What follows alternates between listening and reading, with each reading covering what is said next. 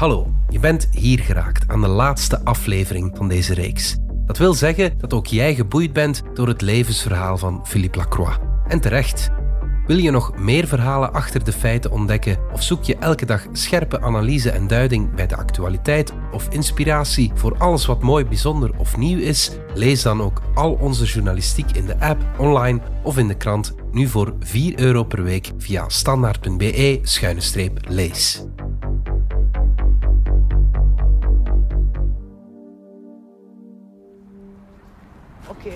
de laatste keer. Ja, het is de laat. We zijn onderweg naar Philippe Lacroix. Wat moeten we zeker allemaal vragen? Dat hem nog geen spijt heeft. Ja, nee. Dat hem ja heeft gezegd. 18 jaar nadat de gevangenispoort achter hem in het slot viel. Ja, wat heeft hij gedaan die voorbije 15 jaar? En tot slot hebben we ook een pakje vragen meegebracht. Hij heeft ook terug een leven opgebouwd. Hoe het met hem gaat. Halve leerkracht is hij ook vader van twee tieners. Van onszelf en van luisteraars. Zo van die dingen over uh, dossier, zo van ge- geruchten van vroeger. Hè. En die gaan we hem zeker ook stellen. Er zijn nog altijd mensen die denken dat de bende Hamers gelinkt is met de bende Ja, van ja, ja. Nijvel. Dus dat is een vraag die we zeker gaan moeten stellen, dat mogen we niet vergeten. Is hier naar rechts? Na al die keren. Dit is Lacroix, ik was gangster. Een podcast van de Standaard, gemaakt door Mark Eekhout, Marianne Justaert, Joris van Damme en mezelf, Lise Bonduel.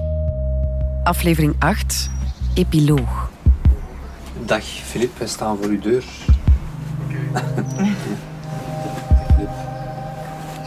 Dat klinkt precies wat ziek. We staan opnieuw bij Lacroix thuis. Zo'n acht maanden na ons allereerste gesprek. Goedemorgen. Hij sukkelde toen met zijn schouder waaraan hij geopereerd was.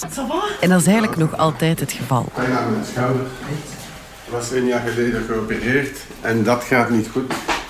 Dus eh, ik zal een eh, IRM eh, hoe doe ik- ondergaan. Eh, Hij hoopt dat alles goed komt. Misschien zal ik moeten leren hoe te leven met een zwakke schouder. Ja, dat wordt dan de volgende Geen podcast. sport en geen... eh, Lacroix, ik was valide. De laatste keer. Dernière fois, laatste keer. Met de opname, hè? Voilà. Opnametoestel. Zal mij hier wel zetten. We hebben zo'n vaste plaats er al bijna eigenlijk, hè? Ja. Ik zit altijd in toekje. We zitten. Hoe is het? Het gaat... Het is oké omdat ik niet veel tijd heb om te denken. Ik ben altijd bezig met werk, werk, werk, werk, familie, werk, werk, werk, familie. Ik ben naar Spanje geweest. Lacroix heeft ondertussen alle afleveringen gehoord. Ik heb dat geluisterd. eh 1, 2, 3, dat was oké. 4 was het iets moeilijker natuurlijk, omdat het over eh Mr. Groes was. En dat, dat was natuurlijk eh, eh, veel emoties. 5, dat was over Patrick, hè? VDB. VDB. Ja, Ja, VDB, oké. het is, eh, Oké, iets speciaals. Zes heb ik ook geluisterd. eh, dat is over mijn arrestatie Ja, in, eh, ja. in En Colombia. En snap, ontsnapping, ja. Eh, ik zou zeggen dat voor mij het ergste, het moeilijkst, was de vierde. Ja, natuurlijk.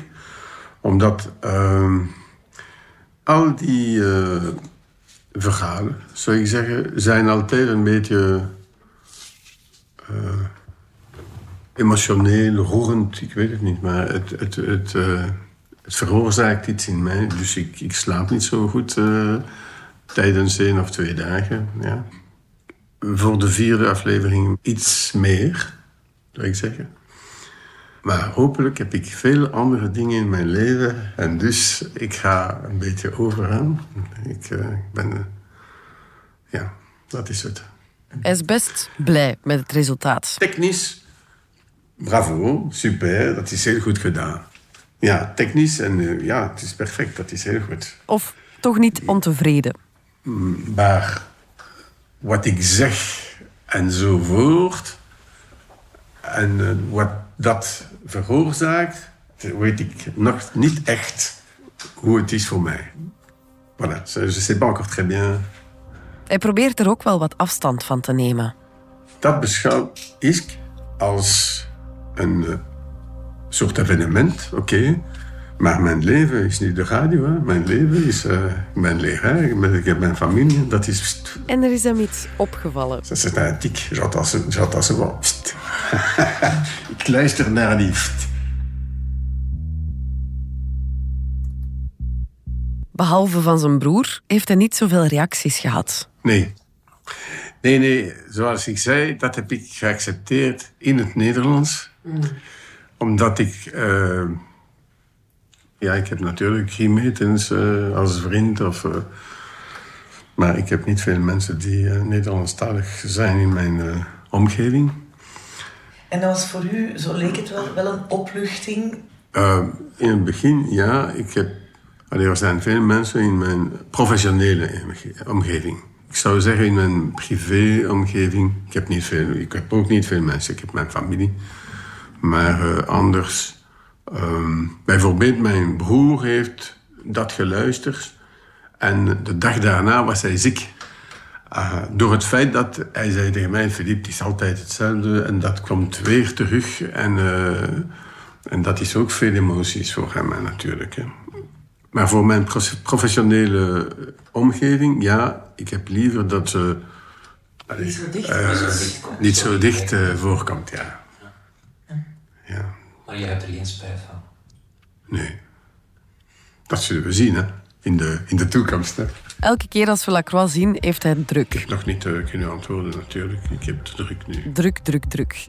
Hij werkt ook meer dan fulltime. Hij geeft les in verschillende scholen. En hij heeft ook twee jonge kinderen, tieners. Hun moeder leerde hij kennen in de gevangenis. Ze was psycholoog en ze maakte een onderzoek voor de universiteit. In dat context heb ik haar ontmoet.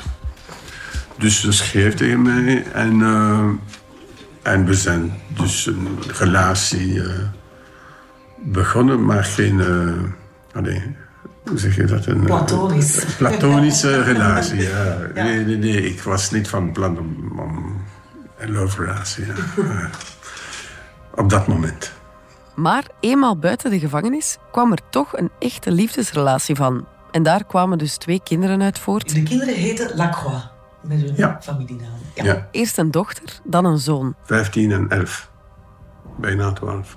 Zijn kinderen kennen zijn verleden. Mijn, mijn kinderen kennen alles over mij. Ze weten alles. Ja, ik heb, ik heb hem uh, alles gezegd vanaf het begin. Toen ze de, al twee, drie, vier, vijf, ik weet het Ik heb een album gedaan. Een, een fotoalbum. Met mijn leven van vroeger en van tot, tot, tot vandaag. Tot vandaag, tien jaar geleden. Ik heb dit album gedaan. Waarom? Ik wist dat ze geconfronteerd uh, zouden zijn met mijn verleden. En dat, dat is het. Sommige vriendinnen van, van mijn dochter weten of wisten, de, de, de, de ouders van sommige vrienden, vriendinnen weten dat. Dus voor mij was dat belangrijk. Ik heb dat album. Alleen, dat is een fotoalbum met, met enkele commentarissen. Toen, toen ik uh, jou, klein was, hè, een kind was, tot mijn uh, delinquentiejaren. En, da en daarna zelfs de, de gevangenis. De gevangenis, dat was maar een, een strip ja, van de Dalton. Een Dalton met een uh, allee, die, uh, metalen uh, bolla aan zijn voet. En, dat is, en dan de vrijheid was iets anders met een ballon. dat is niet zo duidelijk, maar dat is allee, symbolisch zou ik zeggen. Maar, maar alles is erin. Mijn dochter, ze moest vijf of zes zijn. En, en mijn kind was twee. Dus dat, dat, ze begreep wat ze kon begrijpen op die leeftijd. Ik heb natuurlijk niet alles in details gegeven. Ik heb gezegd dat ik uh, allee, uh, verkeerde dingen deed en dat ik problemen had en dat ik in de gevangenis ging. Uh, was en, en, eh, en dan dat ik gestudeerd heb en, nu ben ik leraar. En, en, eh, ik weet niet hoe ze reageerde op dat moment. Eh, ze, ze, ze hield van haar, haar vader. Hè? Dat is, dat is een, een verhaal, zou ik zeggen. een moeder is psycholoog. En dus ze zei tegen mij, dat moeten ze onmiddellijk weten. Dat is waar, omdat je weet nooit dat ouders van uh, een uh, vrienden een, een uh, negatieve mening over mij hebben en dan een negatieve reactie gericht tot mijn kinderen. Dat, dat kan. Ze zijn fier op mij. Ja, ze zijn fier op mij. Waarom? Omdat ik nu leraar ben. Ja. En ze weten dat ik uh, niet altijd zo was. En, en ze zijn... Uh, ja. Het is nooit een optie geweest om dat geheim te houden? Nee, geen geheim. Als je dat begint, dan... Als je dat doet, dat de mensen verbeelden.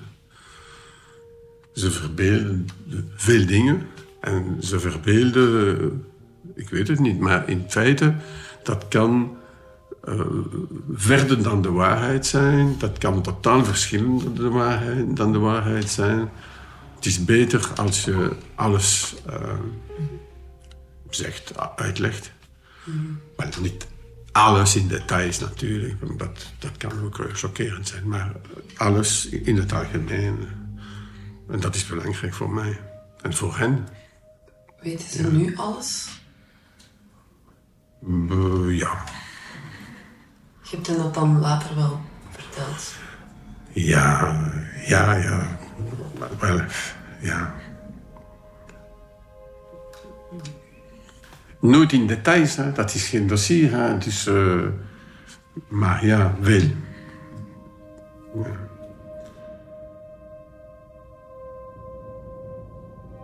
Een paar jaar geleden is de relatie tussen hem en de moeder van zijn kinderen afgesprongen. Ik heb een familie opgebouwd. En uh, je weet dat ik mijn moeder uh, ook had. En ze, was, ze werd ziek voor uh, elf jaar. En ik heb haar verzorgd tot aan het einde. Dat veroorzaakte spanningen en dat leidde tot een scheiding. Maar nu zijn we ouders ook. En dus ik ben heel uh, aanwezig bij mijn kinderen. En ik voel me ook goed zo. Dat was mijn plan niet.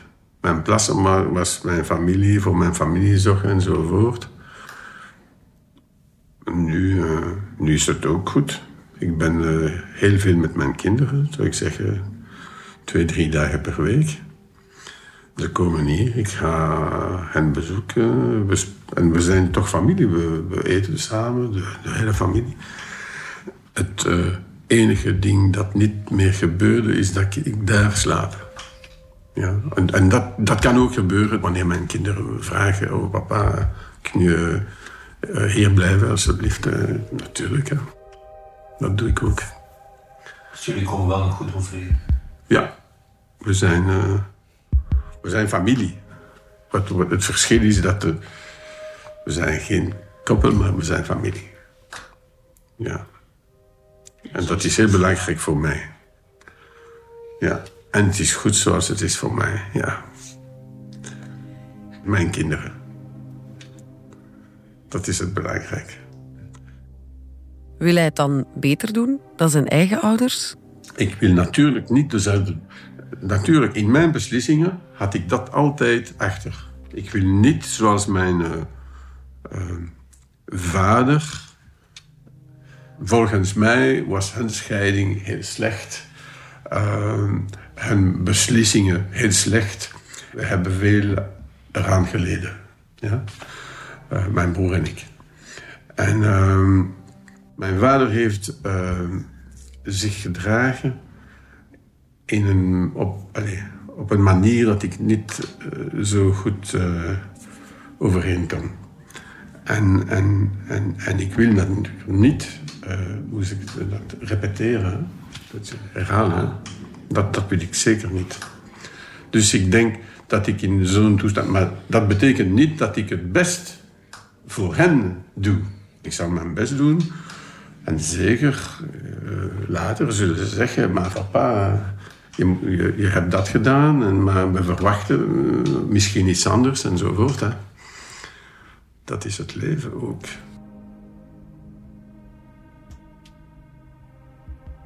Ook voor andere mensen houdt hij niets verborgen, zegt hij. Nu, hij gaat wel nooit in detail.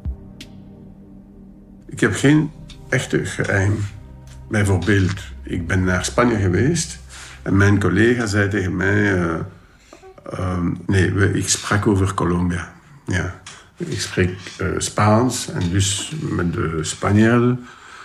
Hij zei tegen mij: "Hoe- Hoezo spreek je zo goed Nederlands, eh, Engels, eh, nee, Spaans? Maar ja, ik, ik woonde een paar jaar in, in Zuid-Amerika, in Colombia. Ah ja, en, en wat deed je? En, ja, en dat, da- dan beginnen, en dan heb ik gezegd, ja, pff, dat is een lang verhaal. En dus we zijn daar gestopt. ja, maar als ik, dat, ik, dat is niet dat ik, niet wil, dat ik het niet wil zeggen, maar dat...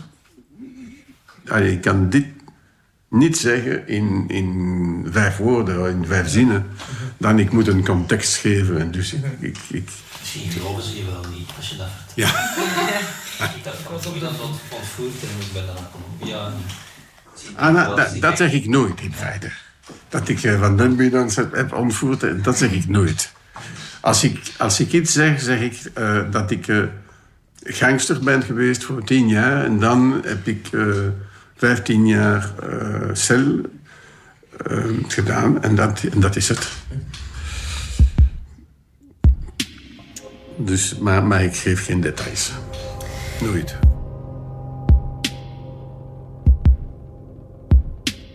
Ik heb, ik heb vrienden.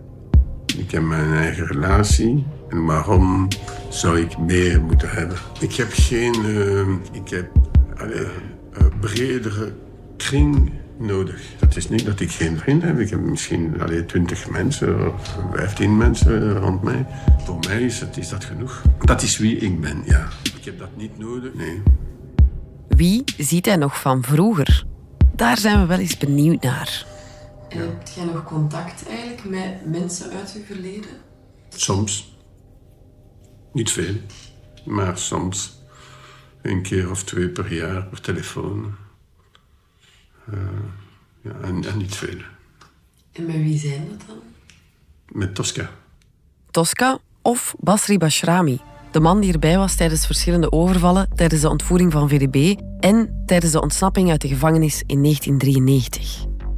Met Tosca heb ik soms eh, een eh, telefoontje.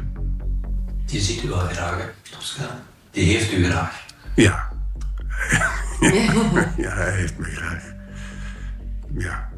We zijn in goede relatie. We zijn in totaal eh, verschillende werelden, maar En hoe is het met hem? Ik denk eh, dat, hij het goed, dat het met hem goed gaat, maar ik heb geen details. Hij woont in Macedonië, ja. Ja. Maar hij komt soms hier in België. Maar hij, hij- ik zie hem niet, hè. Als hij, hij hier komt, zie ik hem niet, omdat... eh, ik heb het druk. Hij heeft het druk toen hij eh, hier kwam en... Is hij ook volledig gestopt met criminaliteit? Ik zou zeggen ja, maar ik weet het niet. Dat heb ik hem niet gevraagd. het is moeilijk, eh Marianne. Ik, eh, we, we spreken erover niet. Ja, maar ik denk, van, ik, denk, ik denk dat het voor hem... eh, allee, dat, hoeft, dat heeft ook geen zin. Hè. Hij is vijf jaar ouder dan ik. Dus dat betekent dat hij 67 eh, is. En hij woont in zijn eh, eigen land. En, dus de criminaliteit dat we samen hadden, dat is 100% totaal Gedaan. gedaan. Nu, met wat hij nu heeft gedaan met zijn eigen leven, hij heeft business. Maar wat betekent business? Ik weet het niet. Hè. Ja. Behalve Tosca zijn er nog wel wat contacten overgebleven. En Van der Els bijvoorbeeld? Van der Gels zie ik hem nu. Ja. Ik zie hem nu. Ik, ik heb hem niet gezien voor misschien eh 12, eh, 14 jaar. Ik weet het niet. Maar nu uh, leidt hij aan uh, Parkinson. Dus als ik de gelegenheid heb, ga ik hem bezoeken. Ja. En je ex-vrouw, zie je die nog? Zelden, maar dat gebeurt, ja. De laatste keer, dat was misschien een, een jaar geleden of twee jaar geleden. Dus uh, ik heb haar vaak op telefoon. Als ik bijvoorbeeld Fanny niet kan bereiken, dan bel ik haar moeder op. En, uh, en we babbelen. Ja. We hebben zoveel gedeeld, maar nu is het ook veranderd. Ze heeft twee andere kinderen, ze heeft haar eigen leven, ze woont in, de, uh, in Engeland. En uh, voilà. En dan is er nog... En nog één iemand, uw broer. Zijn broer, Georges Lacroix. Die komt voor in aflevering 1. Die zegt, ik heb altijd een goede band gehad. En eigenlijk ook ja. op uw vraag komt Georges niet, niet echt meer voor in de podcast. Dat moet niet. Maar nu nee. de vraag, hoe is het met Georges? Het gaat heel goed met hem. Hij heeft een goede job, hij heeft een goede leven. Hij is uh, oom van mijn kinderen natuurlijk. Uh, Peter van mijn kinderen ook. En... Uh, we zien elkaar heel vaak. Zou ik zeggen. En, ja, vaak. Twee, drie keer per week.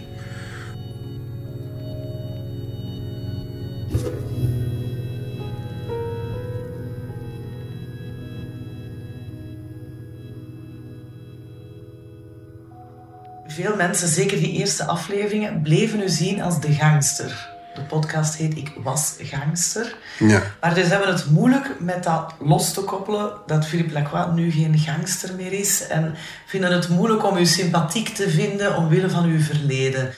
Is er iets wat je vaker tegenkomt? Ik weet het niet. Ik heb. Uh, ik heb. Uh, zulke conversatie gesprekken nooit gehad, in feite. Normaal gezien, als mensen dat denken, zeggen ze dat niet tegen mij. Ik heb zeven, acht, negen jaar met uh, collega's gewerkt. En we hebben over mijn verleden nooit gesproken. Dus ik wist zelfs niet of ze iets over mij wisten of niet. Ze durven het je niet vragen. Dat kan ook. Om dat te kunnen vragen, zouden we moeten in een, een intieme context zijn. En de meeste tijd ontmoette ik mijn collega's in een professionele context. Het is zoals met mijn studenten. Bijvoorbeeld dit jaar, bij een klas, ik weet dat iedereen weet. En ik weet het door het feit dat een van hen kwam uh, bij mij en zei is alles wat is gezegd over u waar of niet waar? Uh, er zijn geruchten in de klas en zo. En ik heb een antwoord. Waarschijnlijk is dat waar, maar dat geeft me niks. Hè. Dus uh, ik, heb, ik, ik, ik ben niet verder gegaan. Dus was het op internet, was het uh, tussen hen en... ik heb geen uitleg. ik moet geen uitleg geven. Dus dat is een andere context. Ik, was gangster tussen 20 en 30 en ik, en ik ben 62. Dus uh, het is al lang geleden. Intussen heb ik ook, of ben ik ook 15 jaar in de cel gebleven. Dat is ook uh, een, een ervaring tussen naakjes. Dus... Uh,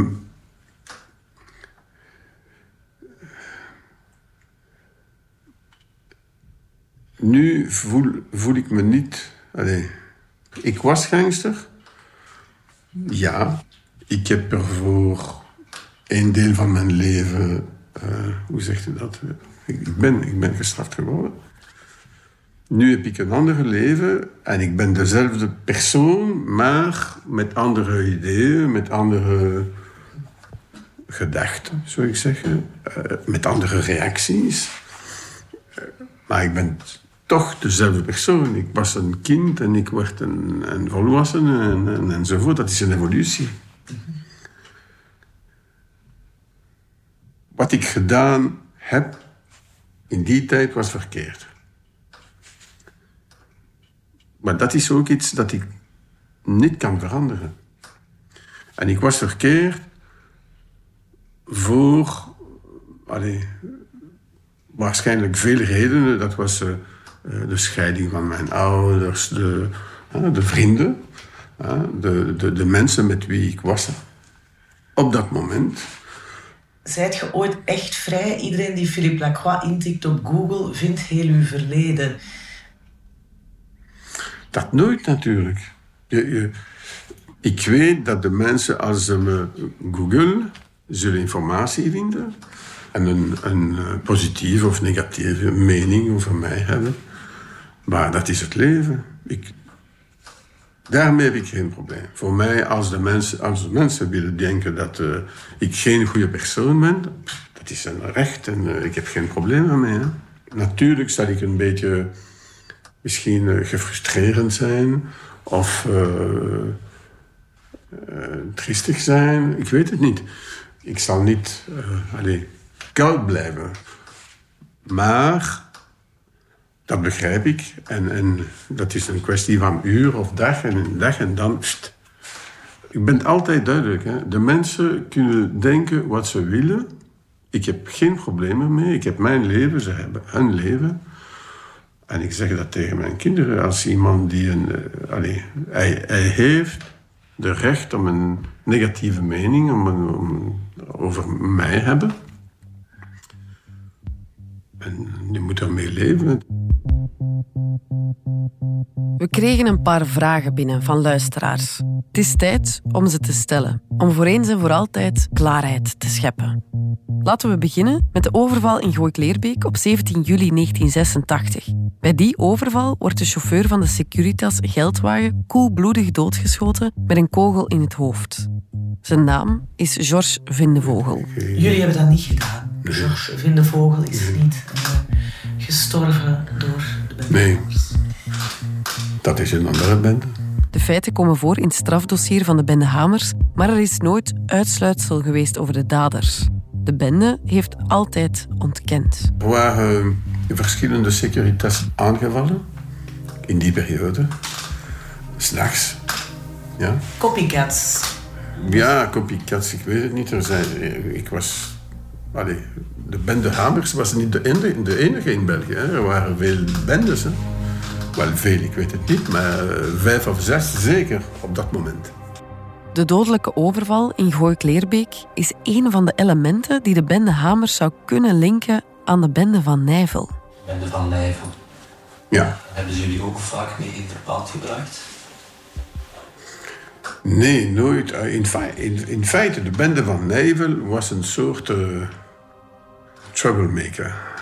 Voor ons, dat was... Uh, ja, die liepen in de weg, dat was een obstakel. Dat was een soort obstakel. Maar zowel als, als de CCC, zou ik zeggen, beide, beide groepen waren terreur.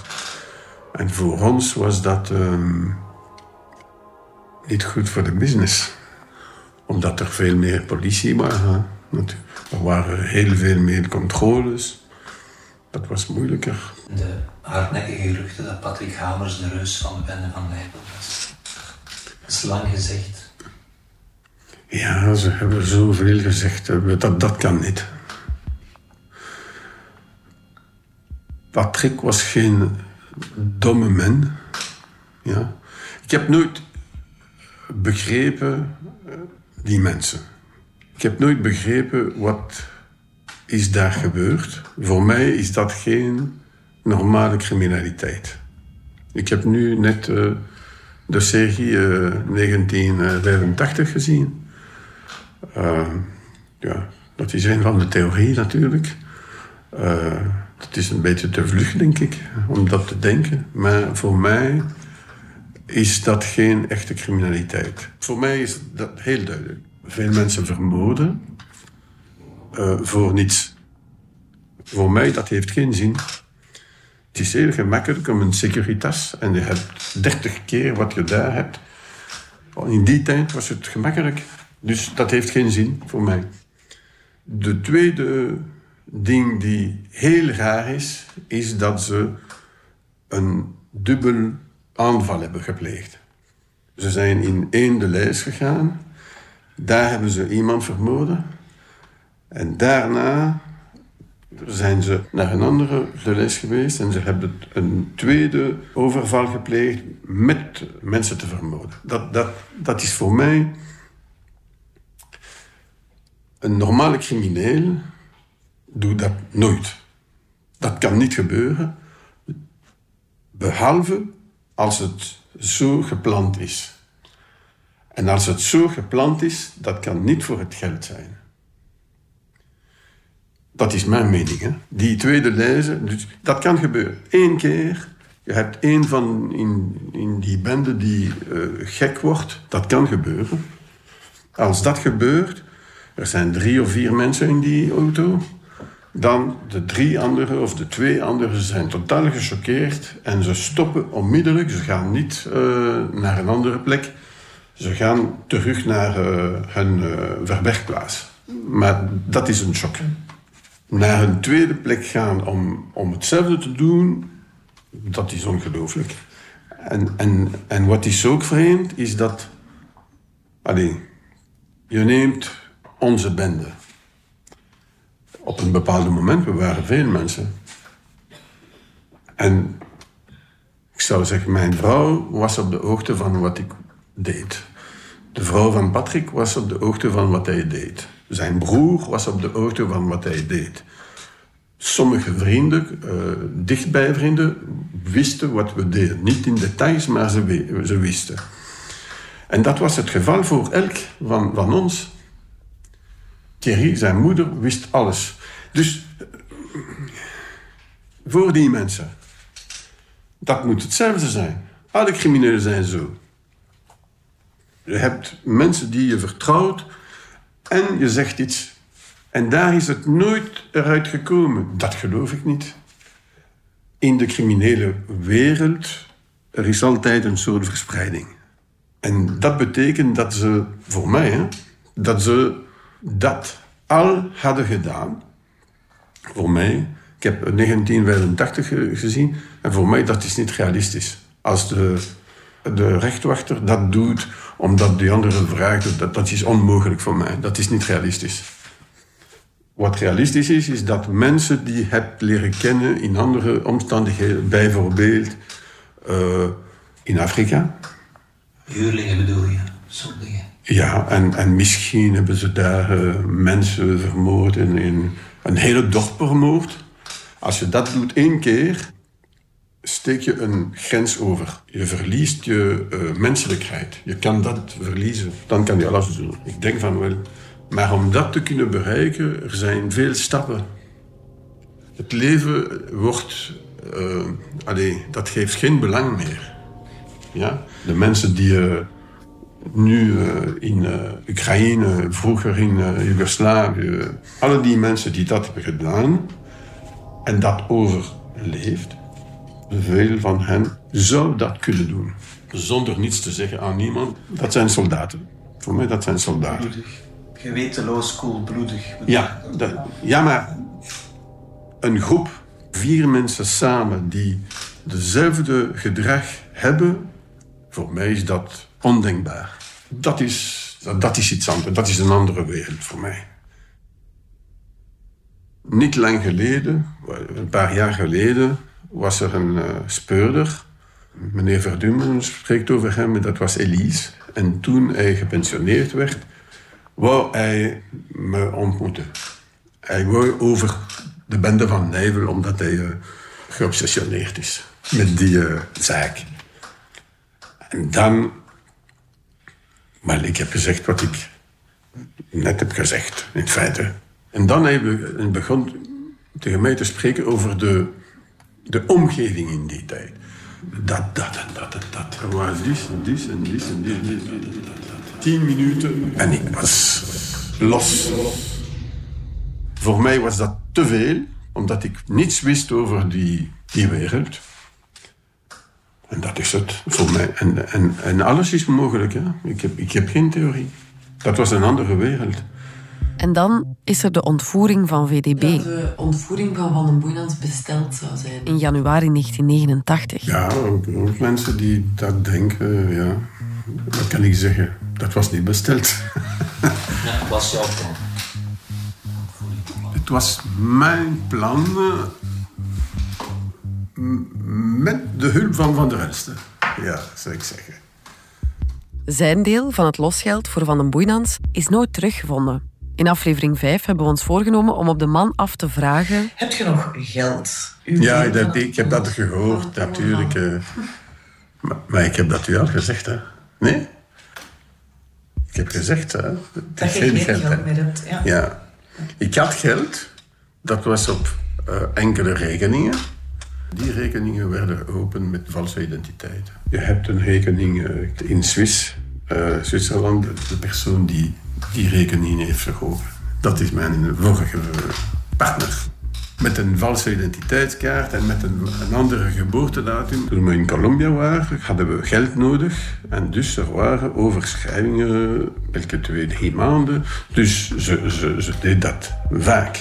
Tot een bepaalde bedrag kan je per telefoon een eh, overschrijving laten maken. Dat was de, de deal in die tijd. Per telefoon, je zegt, eh dag, wie bent u? Ik bel voor het nummer. Je zegt het nummer. Je zegt, oké, ik heb 25.000 dollar nodig. Paswoord. En die paswoord is genoeg om dat te overschrijven. En, eh, en dat was het systeem. Ik was in 91 gearresteerd. En eh, op dat moment had ik nog geld. Ik weet niet hoeveel, maar ik had nog nogal veel geld. En zeker voor drie, vier jaar heeft Corinne, ik weet niet eh, hoeveel, maar ze heeft dat geld gebruikt. Omdat ze nog wist haar identiteit en haar eh, geboortedatum. Ja. Ze had de identiteitskaart niet meer. Die identiteitskaart had ze al lang weggegooid. Dat was in Zuid-Amerika enzovoort. En dan, voor jaar en voor jaar, heb ik ge- geld gekregen. Op een bepaald moment dat stopte. Eén reden, dat was mijn ex-vrouw, die besloot om van leven te veranderen. Op dat moment dat ze haar huidige echtgenoot ontmoet, die wist niets over haar verleden. Zei ze tegen mij, Filip, dat is gedaan. Ze wou niet dat hij iets over haar verleden kon weten. Gedaan omdat ik geen risico wil nemen. Voor mij is dat alles gedaan. Niets meer wou te maken hebben met dat verleden. Dus ze stopt bezoeken, ze stopt alles. En eh, ze zei dat eh, de vader van Fanny was in Zuid-Amerika. Dus ik was heel boos op dat moment. Dat, dat was eh, het verhaal. Heel, heel boos. Bestaat de kans dat zij al dat geld heeft? Nee, nee. Ik, het is niet leeg omdat ze nooit naar Zwitserland is, eh, teruggekomen. Ze had de identiteitskaart niet meer. Als je de, de gegevens niet meer hebt, dat, dat is onmogelijk. Hè? En dat was voor mij heel moeilijk natuurlijk. Omdat op, op, op dat moment moest ik aan mijn moeder vragen om me geld naar de gevangenis te sturen. Voordat was ik autonoom en op dat moment werd ik afhankelijk van. En mijn moeder en, mijn, en een van mijn vorige vriend stuurde me geld elke maand voor eh, de tijd dat ik in de gevangenis bleef. Het probleem is eigenlijk, is daar nog een rekening in Zwitserland, maar je weet niet meer op welke. Ja, er zijn nog, naar het schijnt, meer dan één, één rekening. Er zijn er, er vijf, met, met één, één kluis. En hoeveel miljoen zit er nog van u? Nee, er zijn geen miljoenen, ik weet het niet. Nee, ik was niet rijk, dus eh, wel, ik heb natuurlijk, er is toch geld, denk ik. Maar ik weet niet hoeveel. Na 30 jaar wordt een rekening eh, slapend. Dan nog een aantal jaar en de bank zal die open. Nu misschien is die rekening al slapend. Maar die rekening, dat, wel, dat, dat leidt nergens. Behalve in één bank waar een kluis is. En daar zit, daar zit nog mijn eigen paspoort. Eh, en, en, andere documenten. En, dus ze zullen een, een, band vinden tussen mij en die uh, kluis. Ze zullen me niet bellen. Ze zullen, uh, ik weet ook niet wat ze zullen doen. Twee mogelijkheden. Ze zien dat er Belgische documenten zijn en ze nemen contact met de politie. 100% met de, de, lokale politie. De lokale politie zal contact nemen met de Belgische politie. En dus op dat moment uh, zal de Belgische politie contact met mij nemen, maar de persoon die die rekening heeft verhoogd, en dat is niet mij. Ik ben daar nooit geweest. Voor mij is dat gedaan. Gedaan 100%. Wat er ook in zit, jij moet het niet hebben. Natuurlijk niet. Dat, dat heeft niets met mij te maken. Sommigen zeggen van ja, Lacroix heeft nog misschien wel ergens een potje staan in Zuid-Amerika, ook in Zwitserland. Ja, natuurlijk. Ja. Dat kunnen ze denken. Hè? Maar dat is quatsch, dat is niet waar. Natuurlijk niet. Ja. Oké, geen geld dus. Hij leeft er ook niet naar. Hij heeft een nieuw, eenvoudig leven dat mijlen ver afstaat van zijn vroegere luxe leven met alle miljoenen. Het feit dat hij zichzelf zo herpakt heeft, blijft natuurlijk wel straf voor iemand met zo'n crimineel verleden. Zijn stopzinnetje is dan ook. Alles is mogelijk. Alles is altijd mogelijk. Het is niet alleen voor de mensen die in de gevangenis zijn. Ik zou zeggen dat mijn, mijn boodschap is gericht aan ook jonge mensen, aan iedereen in feite, die uh, moeilijke tijden ondergaat en denkt dat er geen echte oplossingen zijn. Ik ben eh, in de put en ik zal nooit eruit komen. En in feite, dat is maar één stap van een leven, maar alles is mogelijk. En dat is, wat ik, dat is mijn boodschap. Met deze boodschap, als ik uh, mensen kan ontmoeten en, en hen op hun vragen antwoorden, dat doe ik graag. Bijvoorbeeld, ik ben gevraagd geweest om naar een school in Naam te gaan. En ik heb ja gezegd. Ik zeg niet altijd ja, maar, maar ik heb ja gezegd omdat het, dat heeft zin voor mij. Niet altijd voor de mensen die in de put zijn, maar ook voor bijvoorbeeld leraars. Je hebt uh, leerlingen en, en je denkt dat ze uh, verloren, zijn. verloren zijn, maar ze zijn niet verloren. En mijn, mijn traject, zou ik zeggen, toont dat. Ik was verloren toen ik uh, 14 was op school. En ik ben uh, begonnen weer te studeren toen ik 30 was. Afgestudeerd toen ik 44 was of 47 was. Dat toont dat alles mogelijk is. Om uit de put te gaan. En dat eist willingkracht. Ja. dat is heel hard natuurlijk. Je moet ook, uh, allez, hoe zeg je dat? Se remettre en question. Jezelf in vraag stellen. Ja, een psycholoog of uh, iemand die uh, kan je ja. helpen om dat te begrijpen, om je bewust te maken over die, die proces. Niet zo gemakkelijk, maar dat is mogelijk. En alles is niet mogelijk. Hè? De, de, morgen kan ik niet premier komen. Hè? Ik kan geen politiek, uh, ja, misschien nu kan ik toch politiek, maar elke stap heeft mogelijkheden. Je kan niet ook niet dromen over dingen die niet bereikbaar zijn, maar veel is bereikbaar. Tot slot rest er ons nog één vraag. Het is te zeggen, het is de vraag van Frankie Kroes op het einde van de vierde aflevering. Weet je nog? Tweelingbroer van Ronnie Kroes, die om het leven kwam bij de dodelijke overval in Groot-Bijgaarde op 31 januari 1989. Hij heeft wel nog één allerlaatste vraag. Moesten we nu nog een keer praten met elkaar, zo, zou dat volledig een afronding kunnen zijn, zie je? Dat je bij elkaar zit onder vier ogen en je zegt... Oké, okay, wat bezielde u? Waarom heb je dat nu gedaan? Dat is zo wel de max. Dat is te vroeg voor mij. Te vroeg, omdat... Uh, ik begrijp dat het belangrijk kan zijn voor hem.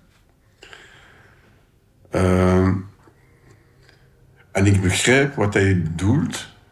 Hij zegt tegen mij, of ja, tegen mij, uh, dat uh, het feit dat hij over zijn broer kan spreken over hoe zijn broer was. En uh, een soort beschrijving. En dat was een soort eerbetoon tegen zijn broer. Om, om soort deur af te sluiten. Dat, dat begrijp ik. Ik denk dat we, als we dat doen, dat, dat moet met een, uh, een derde persoon zijn. Dat is ook te emotioneel uh, voor hem en voor ik. Voor mij. Ik denk dat we, als dat gebeurt, in de justitie, herstelling uh, justitie, je hebt altijd een bemiddelaar. En als je dat niet hebt, uh, zou je zeggen dat kan niet zo goed zijn. En, en daarover moet ik een beetje denken. Ja? Ik, ik zeg niet nee, maar als dat gebeurt, moet dat in, een, in dat soort context gebeuren. Mm -hmm. Ja? Had je die vraag verwacht? Ja, nee, ja, ja. Nee, ik weet het. Ik verwacht niets in feite. Hè. Maar ik begrijp. Ik begrijp. Dat is heel persoonlijk. Ik denk dat het voor mij gemakkelijker zou zijn als ik nooit uh, de dader ontmoet. Ik zou nooit met de, de, persoon willen spreken. Ik denk van, van. Omdat ik weet dat, het, dat ik niets kan veranderen. Of de persoon niets kan veranderen. En ik, en ik kan niet echt begrijpen. Ja, het, uh, in feite, wanneer ik dat uh, moet. Uh, als ik dat. als ik ermee ben geconfronteerd. Dat opent een soort. allee, Pandora-boxen. En. en voor, voor mij zeker uh, zou ik zeggen. Um, weer, je, je bent. Ik heb iets gedaan dat totaal verkeerd is. Maar voor mij, dat behoort tot het verleden en ik heb de deur gesloten. Als ik dat, die deur uh, open doe, dan komt weer de emotie. En natuurlijk, die persoon was een goede persoon. Ja, ik heb dat goed begrepen. En, en, en ik weet het niet. Ik, in, in, in feite, ik begrijp zijn, uh, zijn vraag. Ik zou dat niet willen doen als slachtoffer. Als dader zeg ik niet totaal nee, maar ik zeg als dat gebeurt, moet dat in een kader plaats uh, uh, nemen dat is niet informeel in feite. Voor mij. En voor, ook voor hem, dat kan niet. Um, want dat is. Dat, ik, hij weet ook zelf niet wat dat kan uh, uh, veroorzaken bij hem. Dat, dat ben ik er zeker van. En dat zal hetzelfde zijn voor mij. Dus. Uh, dus voor hem zou je zeggen: ja, dat kan, maar in een, in een kader. Hij klinkt nu wel beheerst, maar helemaal in het begin, toen hij onze proefversie voor het eerst had beluisterd, was hij daar wel echt niet goed van. Hij heeft Marianne toen s ochtends opgebeld, was nog in haar pyjama. Zo'n twee uur lang hebben ze staan bellen, want hij was echt totaal van de kaart. Dat was voor hem de eerste keer dat hij de stem hoorde van de broer van de man die hij gedood heeft. En dat kwam keihard binnen. Voor mij is dat. Uh, ik verwachtte dat niet. Ik dacht niet dat het zo zou zijn. In, als je ja zegt, je, enfin, ik dacht niet hoe het zou kunnen zijn. Als ik dat hoor, dan zeg ik tegen mij: oef, dat zou ik nooit hebben ehm, moeten doen.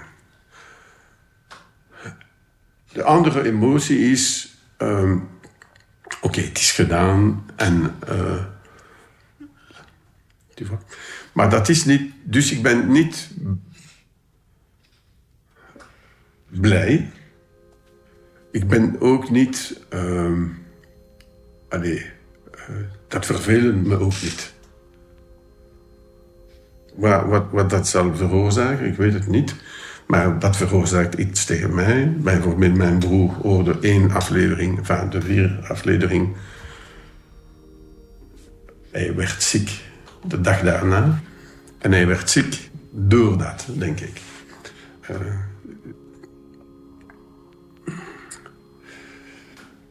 ja. Ik, ik, ik zou zeggen dat zoals alles, wanneer het gedaan is, mm, het is niet het moment om te aarzelen of om te twijfelen over wat ik deed. Ik heb ja gezegd, ik heb het gedaan en nu is het gedaan en ik ga over. Dat is een beetje mijn, eh, mijn filosofie, zou ik zeggen, in het leven. Misschien heeft de podcast ook wel iets goeds betekend voor meer mensen. Los van het persoonlijke verhaal van Philippe Lacroix of wat er tussen Lacroix en Cruz ook nog zal gebeuren. Misschien zet zijn verhaal beleidsmakers ertoe aan om te investeren in gevangenissen, bijvoorbeeld. Ik ben niet zo positief. nee, het is een kwestie van budgetten. En ze hebben zoveel problemen met uh, omgeving, environnement, terrorisme, met uh, oorlog. Met, uh, er zijn zoveel problemen nu. Met energie. Dat, dat de gedetineerden komen altijd weg, weg, weg aan het einde van die lijst. We, we, hebben geld nodig voor scholen. Ja? Leerkrachten. Leerkrachten. Zorg. Leerkrachten zijn niet zo. Allee, ze, ze zijn uh, volgens mij goed betaald. En uh, dat is een goede job. Dus uh, ze, ze, volgens mij kunnen ze niet klagen. Je gaat ja. alle sympathie beleven. Nee, nee, maar dat, dat is echt. We werken veel. Maar we doen een job die heel interessant is. Dat heeft zin. We hebben vakantie, we hebben... En we zijn niet slecht betaald. Dus wat, wat wil je meer? Hè? Natuurlijk, wij moeten werken. Maar dat is normaal, hè? Ja. Nee? Ja, ja. ja, ja, ja. Dat zit er niet aan. Ik dacht dat hem veel meer de regie ging houden over zijn eigen verhaal. En dat hem veel meer zo ging de grenzen bewaken van wat hem wel zegt of niet. Ik had niet gedacht dat er momenten gingen zijn zoals dat hem ja. zegt: Wow, uh, ik heb hier eigenlijk nog nooit echt over gepraat. Je hebt het nu over Frankie Cruz, hè? Die ja. Frankie Cruz, ja. Ik weet hoe ik daar voorbije jaren met hem over sprak, dat hij verschillende keren uh, heeft gezegd: van ja, ik heb de dood van een jonge man op mijn geweten. En hij heeft het altijd wel goed beseft. Maar ik denk als je dan ook nog een keer het, getuigenis van die broer ja. hoort, dat echt wel door merg en been gaat, ja, dat je dan wel echt uh, ja. beseft, of dubbel beseft, wat Ja. er gebeurd is. We hebben daar ook... Was je verrast door die emotie? En wel, maar ik weet nog dat wij daar naartoe aan het wandelen waren. En ik denk dat dat een van de eerste opnames waren dat jij ineens zei... Ja, hij is ooit wel bestempeld als psychopaat. En dat ik toen heel dat gesprek vanuit een totaal ander standpunt zag. Want dan- denk je heel de tijd, ik word hier gemanipuleerd. zo, hè? het zal wel, Ja. wat jij zegt. Ja, ik heb dat ook, hè. Constant dat ik met dat idee zit van, we zullen wel zien, zo. Ja. ja, ja. Maar toch, ik denk dat je dat soort nee, Ja, emotie toch, niet kan heb faken. Ik heb nu wel het gevoel van dat we een zo eerlijk mogelijke indruk van hem hebben gekregen. En dat hem op sommige vlakken totaal niet achterste van zijn tong laat zien. Maar dat gaat dan meer over zaken waar wij misschien ook niet over zouden praten als er een journalist komt vragen. Zeg maar iets anders. Weet je nog, ja, Lisa en ik, wij stuurden zo voortdurend sms'jes naar elkaar. Op den deur beginnen ze overal eh, linken in te zien met, de, met de bende Hamers. Dat was echt super grappig. Dan liepen we voorbij een café of restaurant. Dat heette dan Le Touquet. Ja, dat is in Maar dan, ook, dan was daar Paula Dont, toenmalig staatssecretaris voor de PTT, met die overvallende postwagens. En ineens sterft hij. Ineens wordt Vincent van Quickenborn, de minister van Justitie, bijna ontvoerd. En gaat dat terug over VDB in de kranten. Nee, ik had Kom dat aan. niet. Ik had dat totaal, eh, totaal niet. Hè. Terwijl we monteerden, is zelfs Axel Ik was- Zij gestorven. hè. Ah, nee, dat was iets ervoor. Ja, ja. Misschien ook niet. Ah, kijk ze, voilà. Nog een weetje op het eind. Grappig, omdat er zo eigenlijk best wel veel linken zijn met nu. Hè? Allee, Ja. Ook hoe heel dat proces is gegaan van in aflevering 7 met die kooien. Toen het langste proces ooit. Gesukkel met de juryleden. Ja, alles komt terug zo. Hè. Alles Alles, komt komt terug. Dat is ook zo'n gevoel, inderdaad. Die kooien en dan die klachten van eh, onmenselijke behandeling. Ja. Ja, en, en wat die dan zegt, we worden behandeld. In de gevangenis word je Mhm. behandeld als een beest. ja. Ja, veel dingen denk je van, we zijn nu dertig jaar later en die, diezelfde woorden, zinnen, die Mhm. komen gewoon terug. Hè.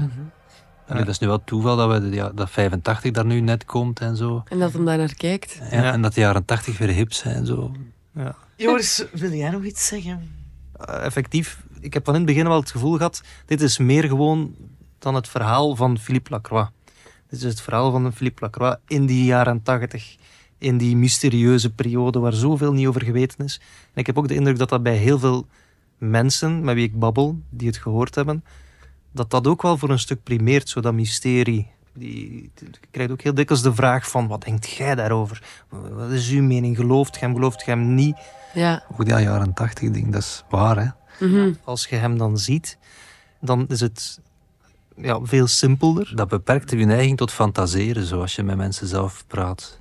Mhm. Dat bestaat niet van die grote complotten. Ja, we mogen ook niet doen dat dat zo in mysterie gehuld is. Want als je dat strafdossier ziet...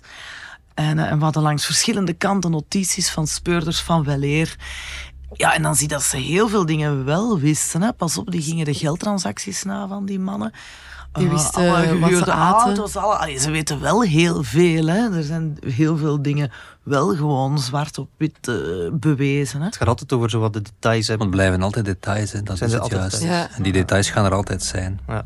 Er gaan altijd een paar onbeantwoorde vragen zijn in een heel woud van, van welbeantwoorde vragen. Ja. Dat is zo met grote gerechtelijke onderzoeken. Ik heb daar ook altijd wel een klein beetje een universeler verhaal proberen in te zien. Zo. Het gaat ook wel over u herpakken. Of bijvoorbeeld hoe, de, hoe in die criminaliteit rolt of zo. Dat is niet typisch voor de jaren tachtig. Frankie Kroes mailde mij dat ook. Van eigenlijk is dat een verhaal ook over vriendschap, over verraad, over schuld en boete. Over leven en dood. Zo de grote thema's die ook wel even goed aan bod komen. Die niet specifiek voor een zijn. Ja. ja, dat klopt. Ja, dat vind ik ook. Blijf zo vooral zitten met de vraag: is dat nu echt een uitzonderlijk verhaal? Wat ik eigenlijk denk van wel. Hij heeft 30 uur met ons gepraat. Allee, het leek mij zo. Die heeft besloten: ik ga meedoen aan die podcast. Oké, ze hebben mij overtuigd van dat idee. En nu ga ik dat ten volle doen. Geen enkele vraag is uit de weg gegaan. Ook vragen waar ik het antwoord nog nergens had gelezen of gezien. Ik vind dat hij ja, dieper is gegaan dan, dan op zijn assiseproces, dieper dan in zijn verhoren. Ik vind echt wel eh, dat hij bij ons zijn hart heeft blootgelegd. En dat had ik toch niet in die mate verwacht.